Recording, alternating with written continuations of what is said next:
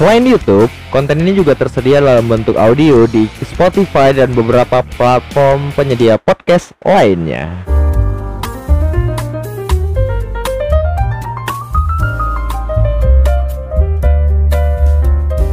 Selamat hari Senin teman-teman Seperti biasa sini aku ceritain hadir di setiap Senin sampai Jumat Setiap jam 8 malam untuk menemani malam kalian Sebelum kalian tidur Atau kalau kalian pengen dengerin sambil tiduran juga boleh. Jadi uh, kalau misalnya di Spotify kan bisa audio doang ya. Jadi kalian bisa sambil tiduran gitu sambil dengerin pakai TWS jangan pakai set kabel. Nanti kalian kalau bangun tidur nanti tegulung-gulung kabel nggak enak gitu. Makanya pakai TWS lah yang headset tanpa kabel ya kan. Near kabel gitu. Zaman sekarang nggak usah pakai kabel-kabel. Untuk apa gitu?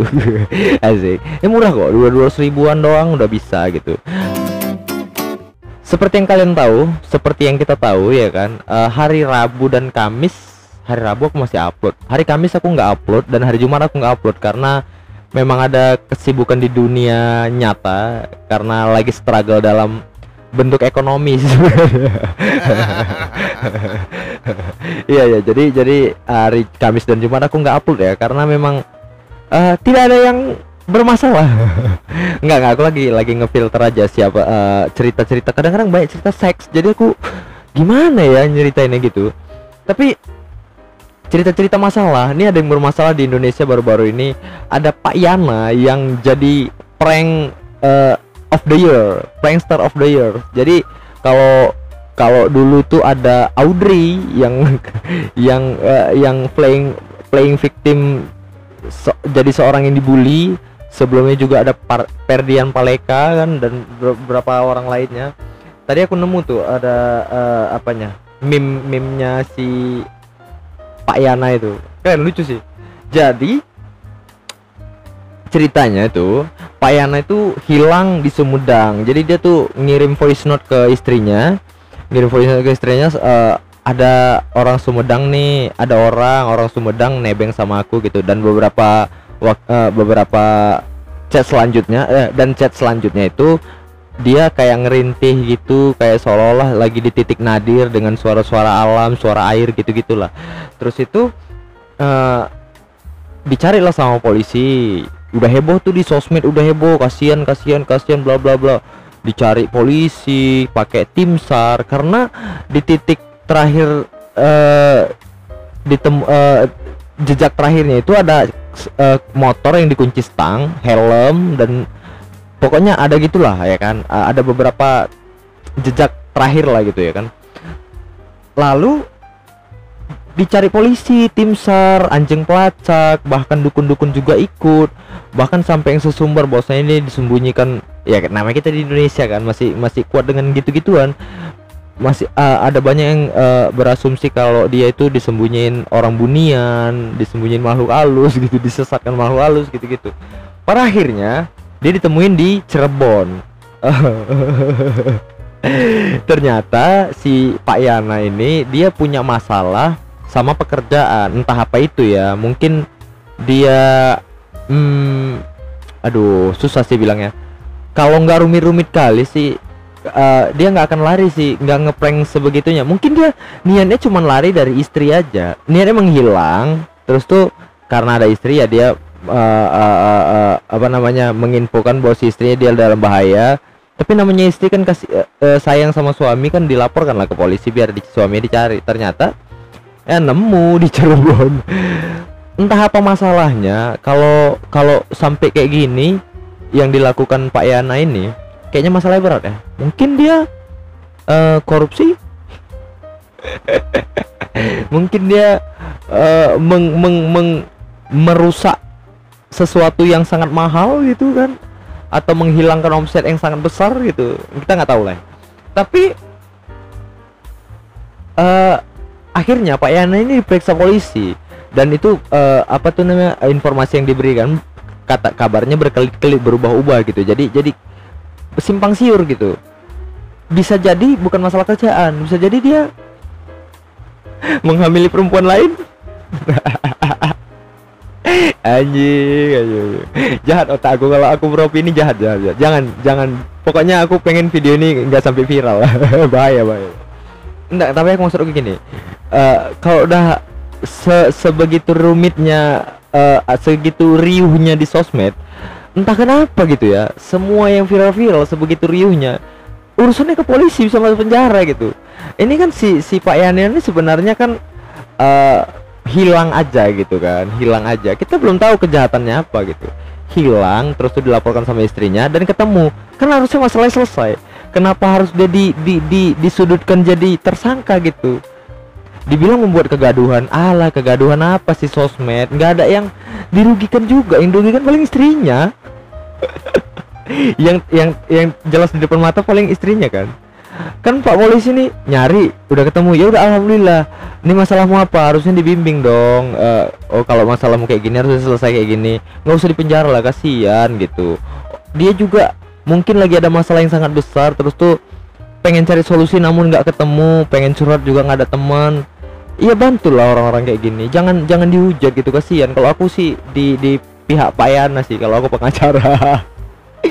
Karena orang-orang kayak gini patut dibela. Karena kalian nggak nggak tahu sampai di mana kalian nemu masalah sampai kalian nggak ketemu solusinya gitu kan. Itulah Pak Yana ya tapi ngomong-ngomong Pak Yana yang yang yang seolah-olah itu uh, aku di awal di awalnya tuh uh, menganggap Pak Yana ini kecelakaan di di di tebing gitu dengar suaranya itu ya. Terus tuh dia terca terlempar di di di jurang gitu kan.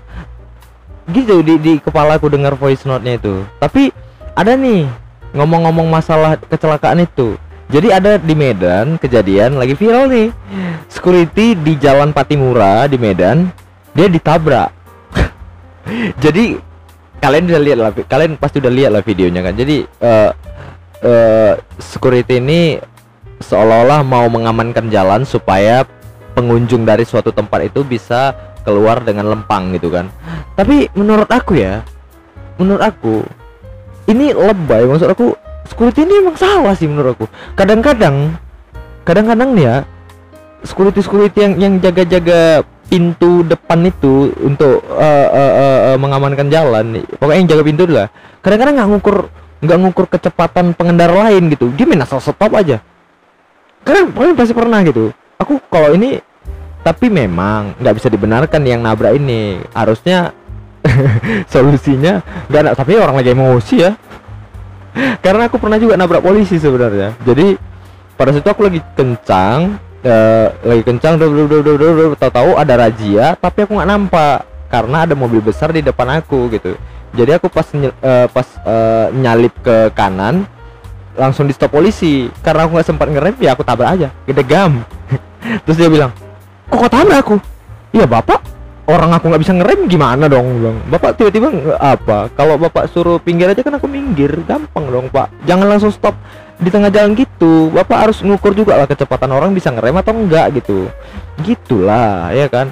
Tapi ya uh, balik lagi ke security tadi ya. Uh, kadang-kadang ya security security ini gimana ya? Terlalu mengabdi kali sama sama bos kayak ya. Kayak oh bos aku mau keluar. Ayo ayo, ayo aku keluarkan. Kalian stop semua ya. Jangan ada yang jangan ada yang lewat. Ini bos aku nih. Oh anjing anjing anjing. Nggak gitu dong. Wahai pak pak security ya. Enggak kalau kalian uh, sebegitu mengabdinya sama bos perhatikan juga orang jalan. Karena kan bagaimanapun juga itu kan di tempat jalanan umum ya dan siapa aja berhak gitu. Jadi kalian harus uh, kalian harus memperhatikan juga lah orang lewat gitu. Di mana uh, aturan kecepatan jangan langsung stop gitu. Yang yang gir, uh, yang kira-kira ini nggak bisa stop ya udah biarkan lewat dulu satu persatu. Kan ini juga mobil yang mau keluar juga nggak langsung ngebut gitu. Kan pelan-pelan dia juga ngukur itu. Dia pasti tahu kamu juga kerja nggak usah terlalu mengabdi kali. Itu bocor anjing oke. Okay tapi aku nggak tahu ya kelanjutan uh, si satpam ini gimana. Kalau menurut aku sih ya udahlah ya. Sama-sama salah. Orang juga si satpamnya duluan mukul bam aku bilang berhenti berhenti mungkin gitu ya ya bahasanya. Kalau aku bilang berhenti nggak mau berhenti dipukulnya ke mobil. Ya ditabrak. Kalau aku juga kayak gitu punya mobil aku tabrak. Bodoh amat.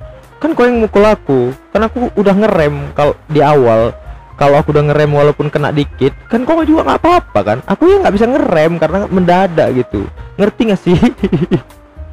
Tapi kalau ini sampai eh, ke ranah hukum pasti itu kan pakai lawyer ya pakai pengacara. Jadi ngomong-ngomong pengacara ada nih pengacara di Banyuwangi. Jadi di Banyuwangi ini ada pengacara yang menanganin satu kasus ya kan jadi pengacara ini mena- me- me- eh, menemukan klien yang lagi kabarnya ya kabarnya dipojokkan sama pihak kepolisian. Nggak boleh pakai lawyer dan segala macam ya. Nggak boleh pakai pengacara dan segala macam karena eh, sebegitu rumitnya lah ya. Jadi mungkin pengacara ini merasa dia itu dilangkahi eh, apanya eh, eh, eh, apa namanya ya eh, haknya gitu ya nggak tahu siapa. Pokoknya dia merasa direndahkan secara eh, jabatan secara profesi. Dia di, dia direndahkan secara profesi. Jadi Pak Nanang Slamet ini menghamburkan uang 40 juta yang harusnya eh, bayaran untuk dia sama kliennya ini bayaran untuk dia 40 juta karena dia ngerasa hanya untuk membela klien aja tapi dihalang-halangi. Jadi dia datang ke kantor polisi bo, bo, bo, bo, bo, menghamburkan uang uang 40 juta. Bu ambil deh sama kalian. Kita tahu ya. Kita tahu nih apa pun yang apa pun kalau kalian ngelawan polisi nggak akan pernah menang ya. Tapi ini kan pengacara ya jadi menurut aku semakin seru. Tapi setelah aku baca-baca lagi beritanya terakhir kali aku baca beritanya aku lihat komentar eh, eh, kapolseknya yaitu AKP Kusmin cuman bilang ini kayaknya miskomunikasi aja. Jadi kita bisa bicarakan baik-baik nantinya. Lah dalam hati aku lah kicep. Enggak enggak enggak enggak maksud aku ya karena kan kapolsek ya harus bijaksana lah. Tapi kita kita nggak tahu di belakang sana terjadi perdebatan bagaimana gitu kan. Mungkin aja kasusnya udah hilang atau mungkin aja apa namanya eh eh, kasusnya udah selesai dengan damai gitu. Kita nggak tahu lah ya aku nggak tahu.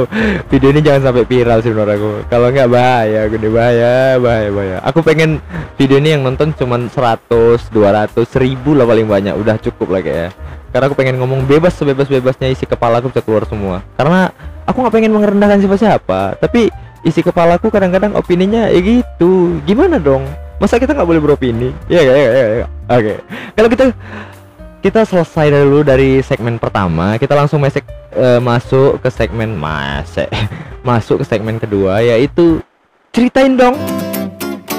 Oke kita udah masuk ke segmen ceritain dong. Jadi ini ada seorang cewek yang nggak mau disebutin namanya ya.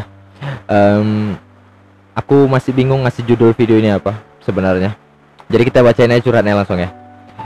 Bang aku jangan sebut nama. Umur aku 19 tahun. Aku punya pacar, tapi dia suka kasar. Sering maki-maki aku, kadang di tempat umum juga. Padahal masalahnya kecil doang. Kecil gimana nih? Kecil bagimu kalau ngilangin motor, besar bagi kami dong. Kecil gimana? Kecil gimana? Eh, ngesliding emaknya? Itu masalah kecil itu. Tapi ya kan bikin marah gitu. Oke, kita lanjut lanjut. Jangan banyakan komedi karena tidak lucu. Oke kita lanjut dah. Bahkan aku pernah dipukuli, perut aku pernah ditendang. Oh fuck, aku nggak tahan bang. Aku tuh udah nggak cinta sebenarnya, tapi aku nggak bisa putus karena aku pertama kali senggama sama dia. Anjing bahasanya senggama lagi. sebenarnya aku nggak apa-apa lah. Kalau virgin aku udah direnggut karena emang aku kemarin ngelakuinnya mau sama mau. Oke, ya ya oke. Masalahnya, tiap aku minta putus, dia ancam aku akan nyebarin sex tape kami. Oh, ada sex tape-nya, boy.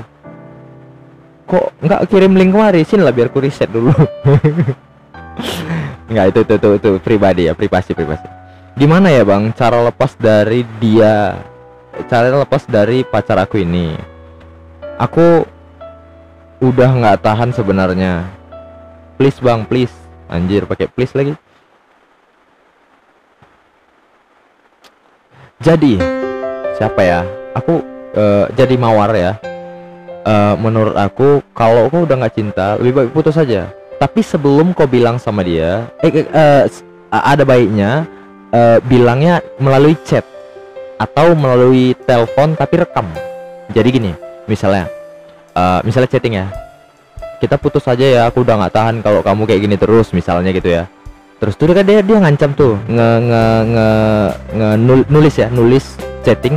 Oke kalau gitu aku akan sebarin sex tape kita misalnya gitu kan. Itu bisa kamu screen capture aja. Sebelum itu kejadi sebelum itu tersebar kamu lapor polisi dulu. Gitu. Lapor polisi dulu bahwasanya aku punya kayak gini kayak gini kayak gini kayak gini. Pasti kamu lebih dilindungin sih. Dan uh, entah apa ya aku nggak ngerti sih atas dasar apa orang yang masih pacaran bikin sex tape? Jangan dong buat kalian yang masih pacaran ya. Aku tahu kalian pacaran cuma mau ngewek doang aku tahu. Tapi nggak usah bikin sex tape gitu nggak usah bikin video bokep sendiri. Untuk apa? Untuk apa? Untuk nonton lagi? Nggak nggak enak kan? Mending kecuali udah nikah. Aku aja udah nikah belum pernah bikin sex tape. Ya udah belum ya? Nggak belum belum. Karena gini ya. Uh, uh, kalau udah nikah bisa lah bikin sex tape kan. Bisa ditonton nanti ketika udah umur 50 tahun. Tonton bareng gitu. Eh ini kita umur 26 tahun nih ya gitu. Tuh aku lagi kencang-kencangnya mompa tuh. Wah bayangan kamu bagus ya gitu. Anjing banget ya. Nggak maksud aku kalau kalian pacaran nggak usah bikin sex tape sex tape gitu. Karena uh, resikonya sangat besar gitu. Resikonya untuk putus itu sangat besar. Bahkan ketika udah nikah aja resikonya besar juga karena nikah juga bisa cerai kan. Gitu sih. Tapi ya gitu solusi tadi kalau kalau kau mau minta putus melalui chatting aja atau voice note. Jadi kamu bisa rekam terus tuh buktinya bisa lapor polisi dulu baru kamu bilang sama dia bahwasanya ini chattingan udah lapor polisi. Kalau ini benar-benar tersebar kamu langsung diciduk. Jadi selesai. Uh, akan kamu ini laporan akan aku hapus jika file itu udah dihapus. Ya jadi dihapus lah depan kantor polisi dihapus bla bla bla bla udah putus selesai bubar. Gitu sih. Eh uh, bagus ya? Bagus solusi ya? Mau oh, tumben kali ini aku ngasih solusi yang benar gitu. Tapi emang emang wajib putus sih kalau kalau udah sampai mukul nendang bahkan untuk maki-maki depan umum aja itu wajib putus lah. Karena jika laki-laki tuh maki-maki tapi nggak depan umum menurut aku masih bisa dimaafkan karena emosi ya. Tapi kalau depan umum itu udah nggak nggak nggak ada etikanya lagi. Karena sebaik-baiknya memarahi orang itu jangan depan umum. Bahkan aku marahin anakku aja nggak mau depan umum. Di di dalam aja dalam rumah aja. Kamu bla bla bla bla bla bla. Kalau depan umum ya ya ya ya ya bagus bagus. Ya pulang gitu. Jadi marahin orang itu nggak boleh depan orang lain nggak boleh tahu orang lain. Di dalam kita uh, empat mata aja gitu. Oke lah. Kalau gitu sampai jumpa di episode ke-13 sini aku ceritain dan bye